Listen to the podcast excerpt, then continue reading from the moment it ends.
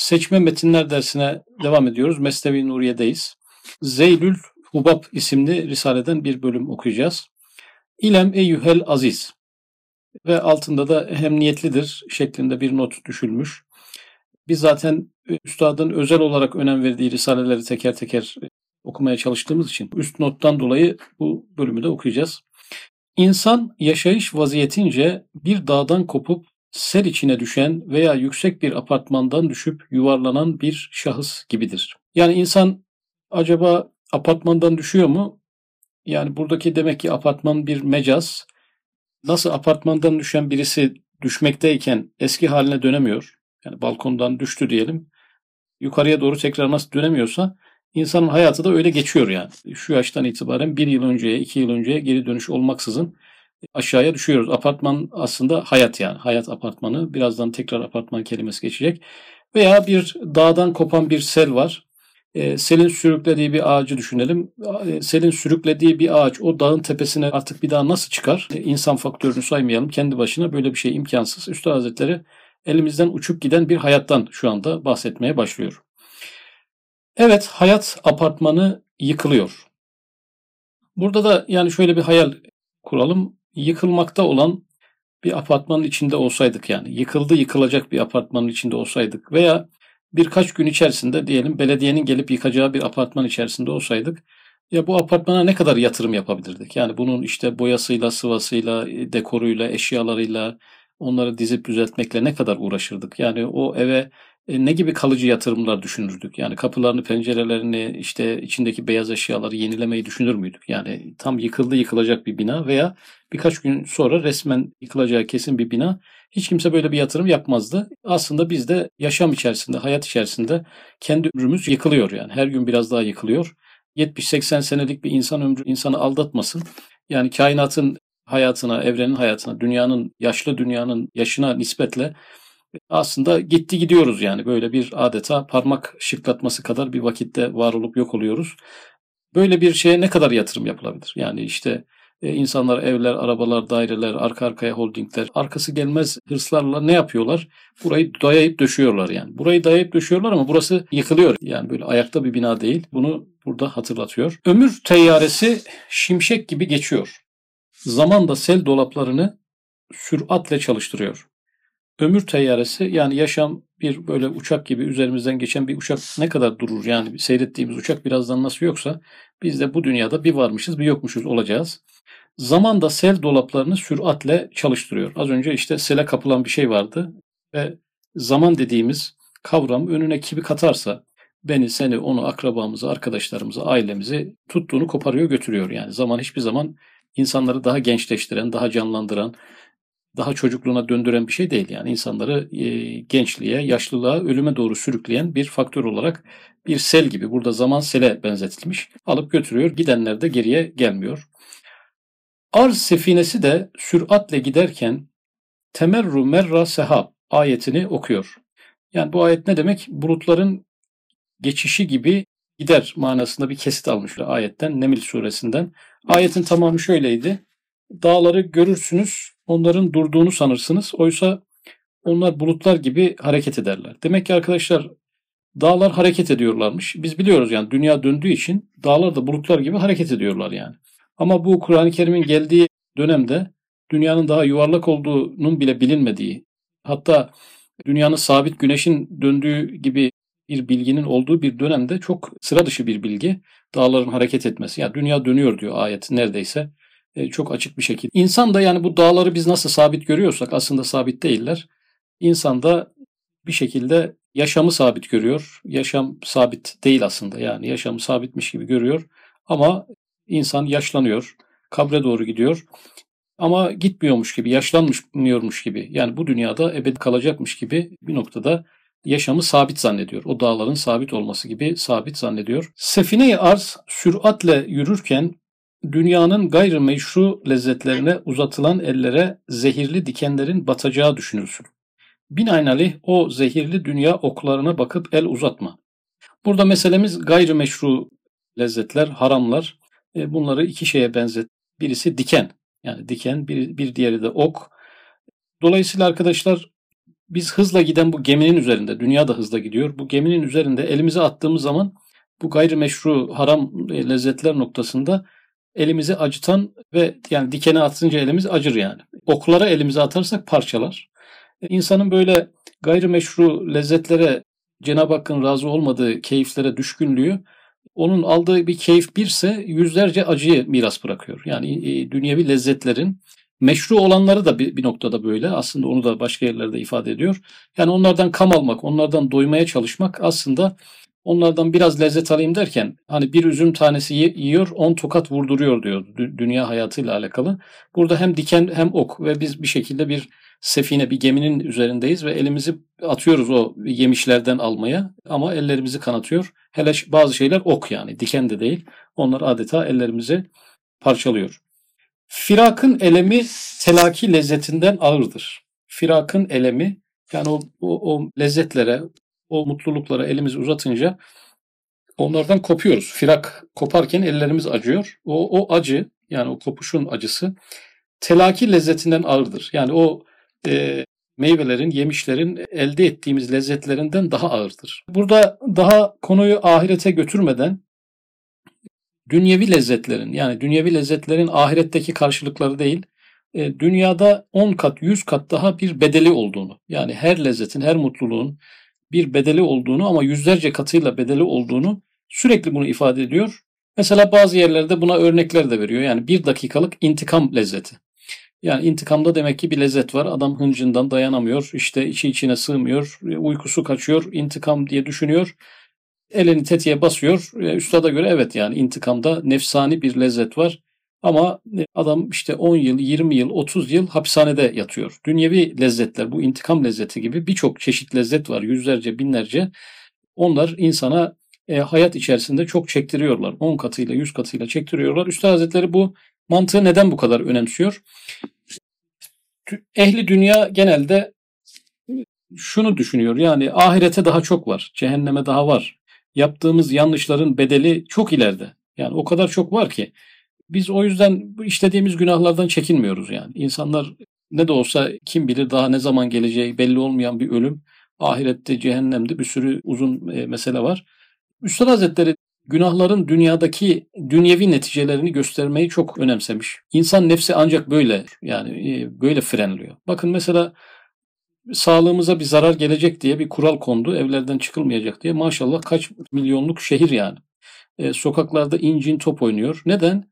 E, bunun bedeli e, dışarı çıktığınız zaman 2000-3000 lira ceza yazabilir. Dünyevi bir bedel yani. Demiyor ki ya ahirette cehenneme gidersin demiyor yani. Sonuçta ben sana cezayı yazarım diyor. Veya parası bol olanlar için söylüyorum. Ya birisinden bir şey bulaşsa hasta olacağını düşünüyor. Gene dünyevi bir ceza çekeceğini düşünüyor. En cahilinden en alimine kadar herkes şey riayet ediyor enteresan bir şekilde. Eğitimsizi de kurallara riayet ediyor, eğitimlisi de riayet ediyor. Neden? Neticeler dünyada tahakkuk ettiği için. Ama ahiret daha önemli olmasına rağmen, daha hassas bir şey olmasına rağmen, kaybettiğimiz zaman ebeden kaybetme ihtimalimiz olmasına rağmen ahirette ilgili yaptırımlar bize hiçbir zaman etkilemiyor. Asrın bu hastalığını bildiği için genelde bunu göstermiş. Yani nefse diyor ki sen dünyada da bu meşru acılardan 10 kat, 20 kat, 100 kat bir bedel ödüyorsun. Ben sana o bedelleri izah edeyim diye birçok yerde tahliller yapıyor. Bunun belki tohum. E, madem Mesnevi Nuriye bir fidanlık tohum cümlesi bu. Firakın elemi telaki lezzetinden ağırdır. Ey nefsi emmarem sana tabi değilim. Sen istediğin şeye ibadet et ve istediğin şeyin peşine düş. Ben ancak ve ancak beni yaratıp şems ve kamer ve arzı bana musahhar eden Fatırı Hakimi Zülcelal'e abd olur. Burada nefsi emmare arkadaşlar kimi güzel şeyleri, kimi başka kullara kulluk ediyor. Kimden fayda ve lezzet ve menfaat görürse ona tabi olmak istiyor bağlanmak istiyor. Burada madem biz biz menfaatçiyiz diyelim. Yani ahir zaman insanı olarak menfaatçi bir yönümüz var. Bize fayda verene yönelen bir tarafımız var. O zaman güneşi ve yeryüzünü e, insana hizmetkar kılana peşine düş diyor. Nefsi emmaresinde bunu gösteriyor. Yani madem sen faydacısın, madem sen çıkarcısın, madem sen menfaatçisin, Madem sen hayır gördüğün, yardım gördüğün kişilere ve şeylere yöneliyorsun adeta onlara kulluk ediyorsun, ibadet ediyorsun. O zaman sana kim güneşi hizmetkar kıldırıyor? Yeryüzünü sana kim e, hizmetkar kıldırıyor? E, böyle birine bari menfaatperestlik yap, e, çıkarperestlik yap. Ona yönel. Yani bu kadar menfaati başka bir insandan zaten elde etmen mümkün değildir şeklinde nefse ders vermeye devam ediyor. Ve keza kader muhitinde uçan tayyare-i ömre veya hayat dağları arasında açılan uhdut ve tünellerinden şimşekvari geçen zamanın şimendiferine binerek Ebedül Abad memleketinin iskelesi hükmünde olan kabir tünelinin kapısına sevk eden Halikur Rahmanur Rahim'den medet istiyorum. Yani yine nefsi emmaresine konuşuyor. Ben başkalarından medet istemiyorum diyor. Yani ben kimseden e, yardım dilenmem. Birisinden yardım dilenirim. Kimden yardım dilenirim? Burada bir kabir istasyonu e, arkadaşlar e, iskele, kabre bir iskele manası söyledi. Biz bu iskeleye yaklaşıyoruz. Yani Ebedül Abad diye bir memleket var. Onun iskelesi de kabir. Yani Ebedül Abad artık sonu gelmez bir yaşam. E, insanın ebediyeti hem insan ebedi hem içinde bulunduğu hayat ebedi olacak bir alemin bir iskelesi var yani. O iskele nedir? Kabirdir. Biz o kabre sürekli yaklaşıyoruz bu yaklaşmayı da durduramıyoruz yani. Bir şimendifere bindirilmişiz, bir trene bindirilmişiz. Derelerden, tepelerden, vadilerden gidiyoruz. Kabir istasyonunda Ebedül Abad memleketine yanaşmış olacağız.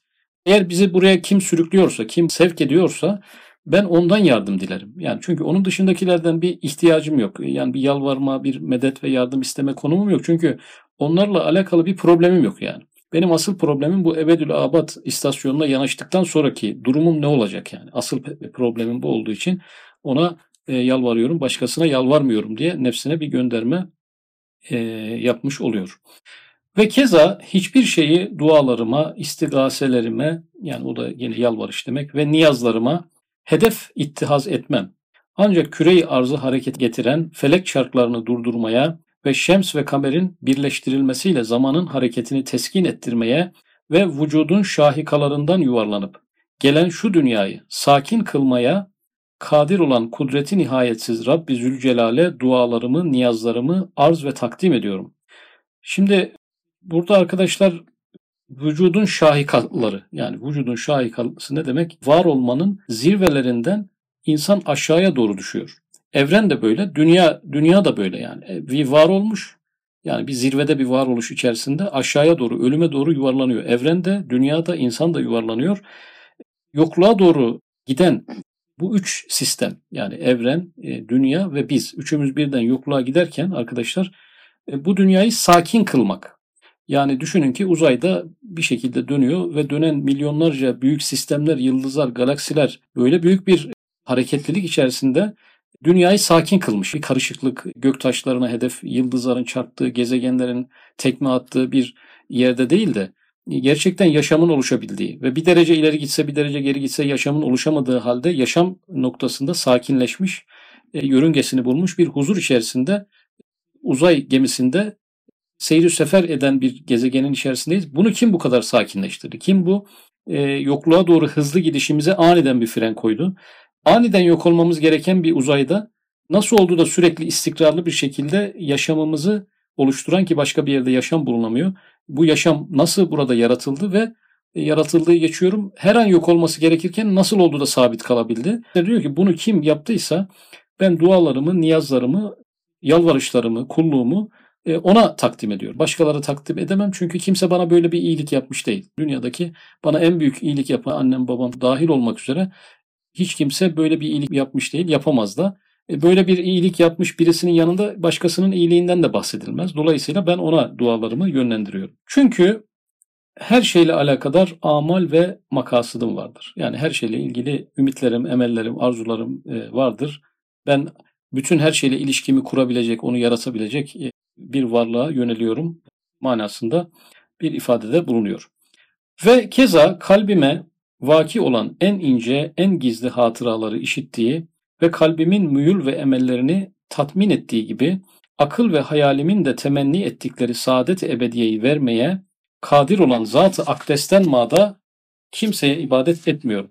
Şimdi burada üç tane yapıdan bahsetti. Yani kalbimin en gizli hatıraları, yani kalbimizden geçen en basit istekleri bile yerine getiren, İkinci yapı akıl. Konu akla geldi. Aklımın ve hayalimin temenni ettikleri temenni ettikleri saadet-i ebediyeyi vermeye kadir. Yani biz şu anda aklen ve hayalen bu iki yapıyla birlikte saadet-i ebediye hayal edebiliyoruz değil mi? Yani en azından bir böyle bir şey olabilir diyoruz. Mantığımıza da yatıyor. Olsa da güzel olur diyoruz. Ve böyle bir şeye ihtiyacımız olduğunun da farkındayız. Veya ailemizden bir bireyi Allah muhafaza kaybettiğimiz zaman oralarda olmasının, bizi orada beklemesi gerektiğinin de farkındayız. Başka türlü yaşamın yaşanamayacağını da biliyoruz. E, dolayısıyla e, en küçük ihtiyaçlarımızı bile işte anne karnındaki çocuğun bütün besin ihtiyaçlarını anneye giderten, annenin bile haberi olmaksızın ona giderten bir sistem, e, böyle bir ihtiyaçları gideren bir yaratıcımız var. Dolayısıyla biz ancak ona ibadet edebiliriz. Saadeti ebediyeyi bize veremeyen kimselere ibadet etmeyiz. E, az önce yani dünya ile güneşi sakinleştiren, bize hizmetkar kıran birine biz yöneliriz. Madem menfaat perestiz yani ne, nefsen. Daha ötesi saadeti ebediyeyi bize hiç kimse veremez. Yine madem menfaat perest, faydacı, çıkarcı bir zihniyete sahipsen ey nefsim burada hep nefse bu cümleler yani saadet-i ebediyeyi sana kim verecekse tam yok olmak üzereyken seni yokluktan kim kurtarıp varlık alemine yeniden döndürebilecekse ancak ona e, yönelebiliriz ancak ondan yardım dileyebiliriz ona kulluk edebiliriz. Evet dünyayı ahirete kalbetmekle kıyameti koparan kudret muktedirdir aciz değildir. Bir zerre o kudretin nazarında gizlenemez, şems büyüklüğüne güvenerek o kudretin elinden kurtulamaz. Burada hem zerreden hem de güneşten bahsetti.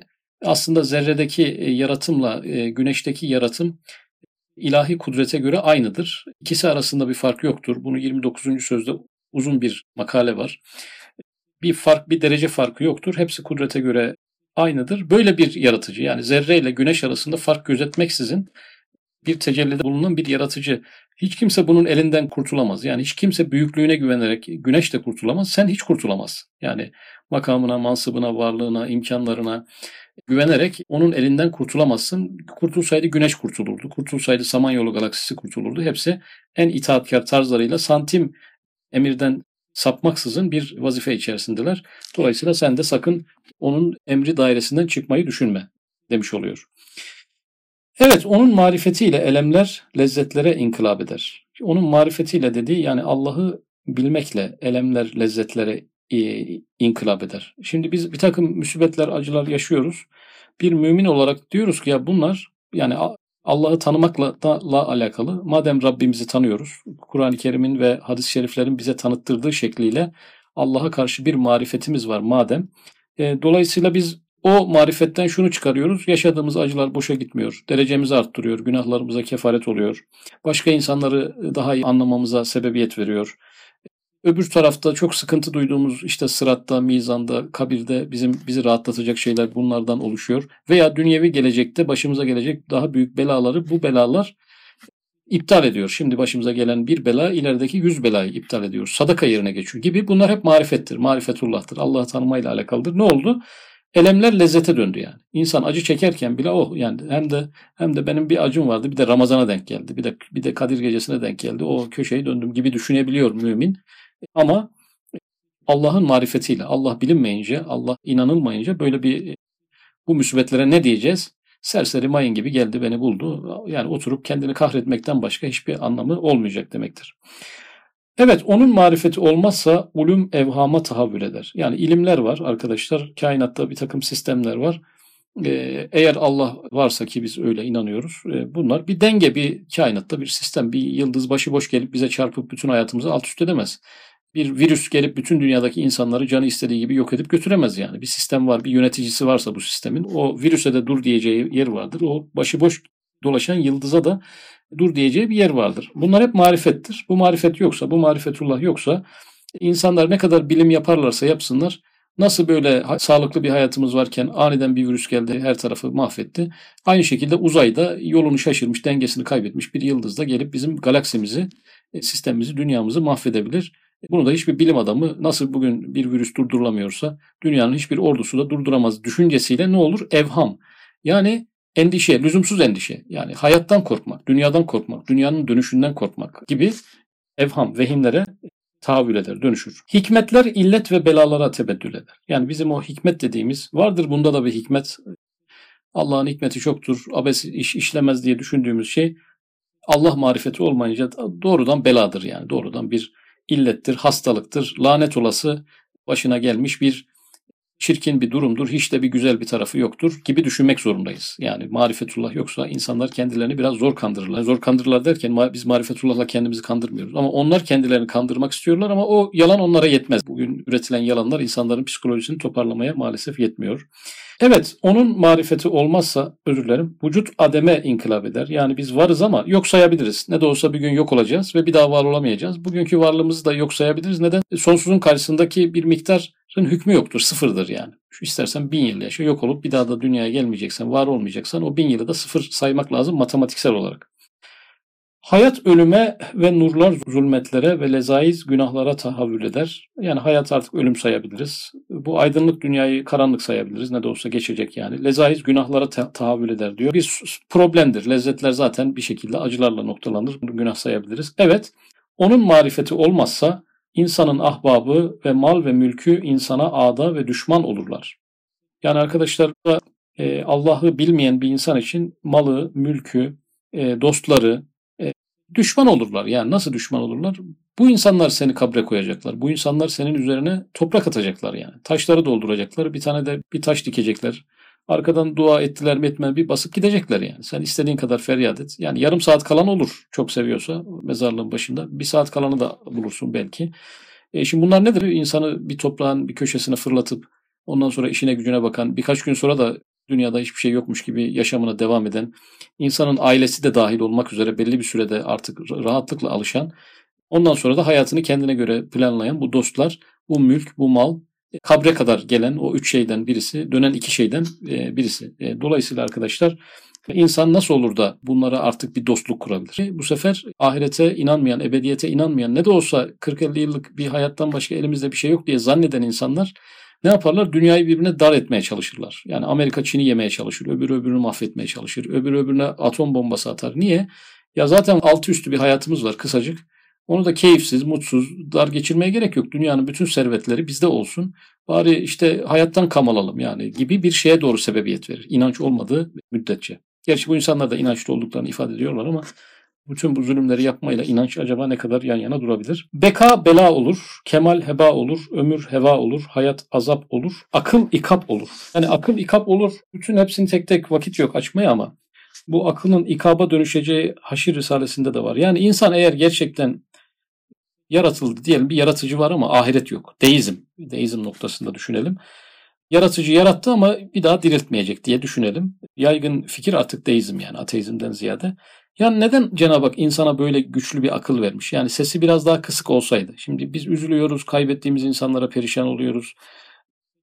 Defnettiğimiz insanlar yokluğa gidiyorlarsa çok ağır bir yük. Çocuk diyelim baba diyecek yani 5-6 yaşındaki çocuk. Biz ölünce ne oluyoruz? Baba da diyecek ki işte evladım biz ölünce yok oluyoruz. Toprak oluyoruz. İşte çiçek oluyoruz. Hayvanlar bizi yiyor. Ancak peynir oluyoruz falan öyle bir artık bir espri yapması gerekecekse. Ya insan eğer gerçekten bu dünyada sırf bu dünya için yaratılmış olsaydı yani bu akıl, fikir, düşünce ve hissiyatları onda bir oranında olsaydı yeterdi. Daha az acı çekerdi. Yani ölenlere o kadar üzülmezdi. Başına gelen belalara o kadar dert etmezdi. Birisi ona bir kötü laf söyledi diye 3-5 gün kafaya takmazdı. Niye? Akıl, hissiyat, fikir hat safhada.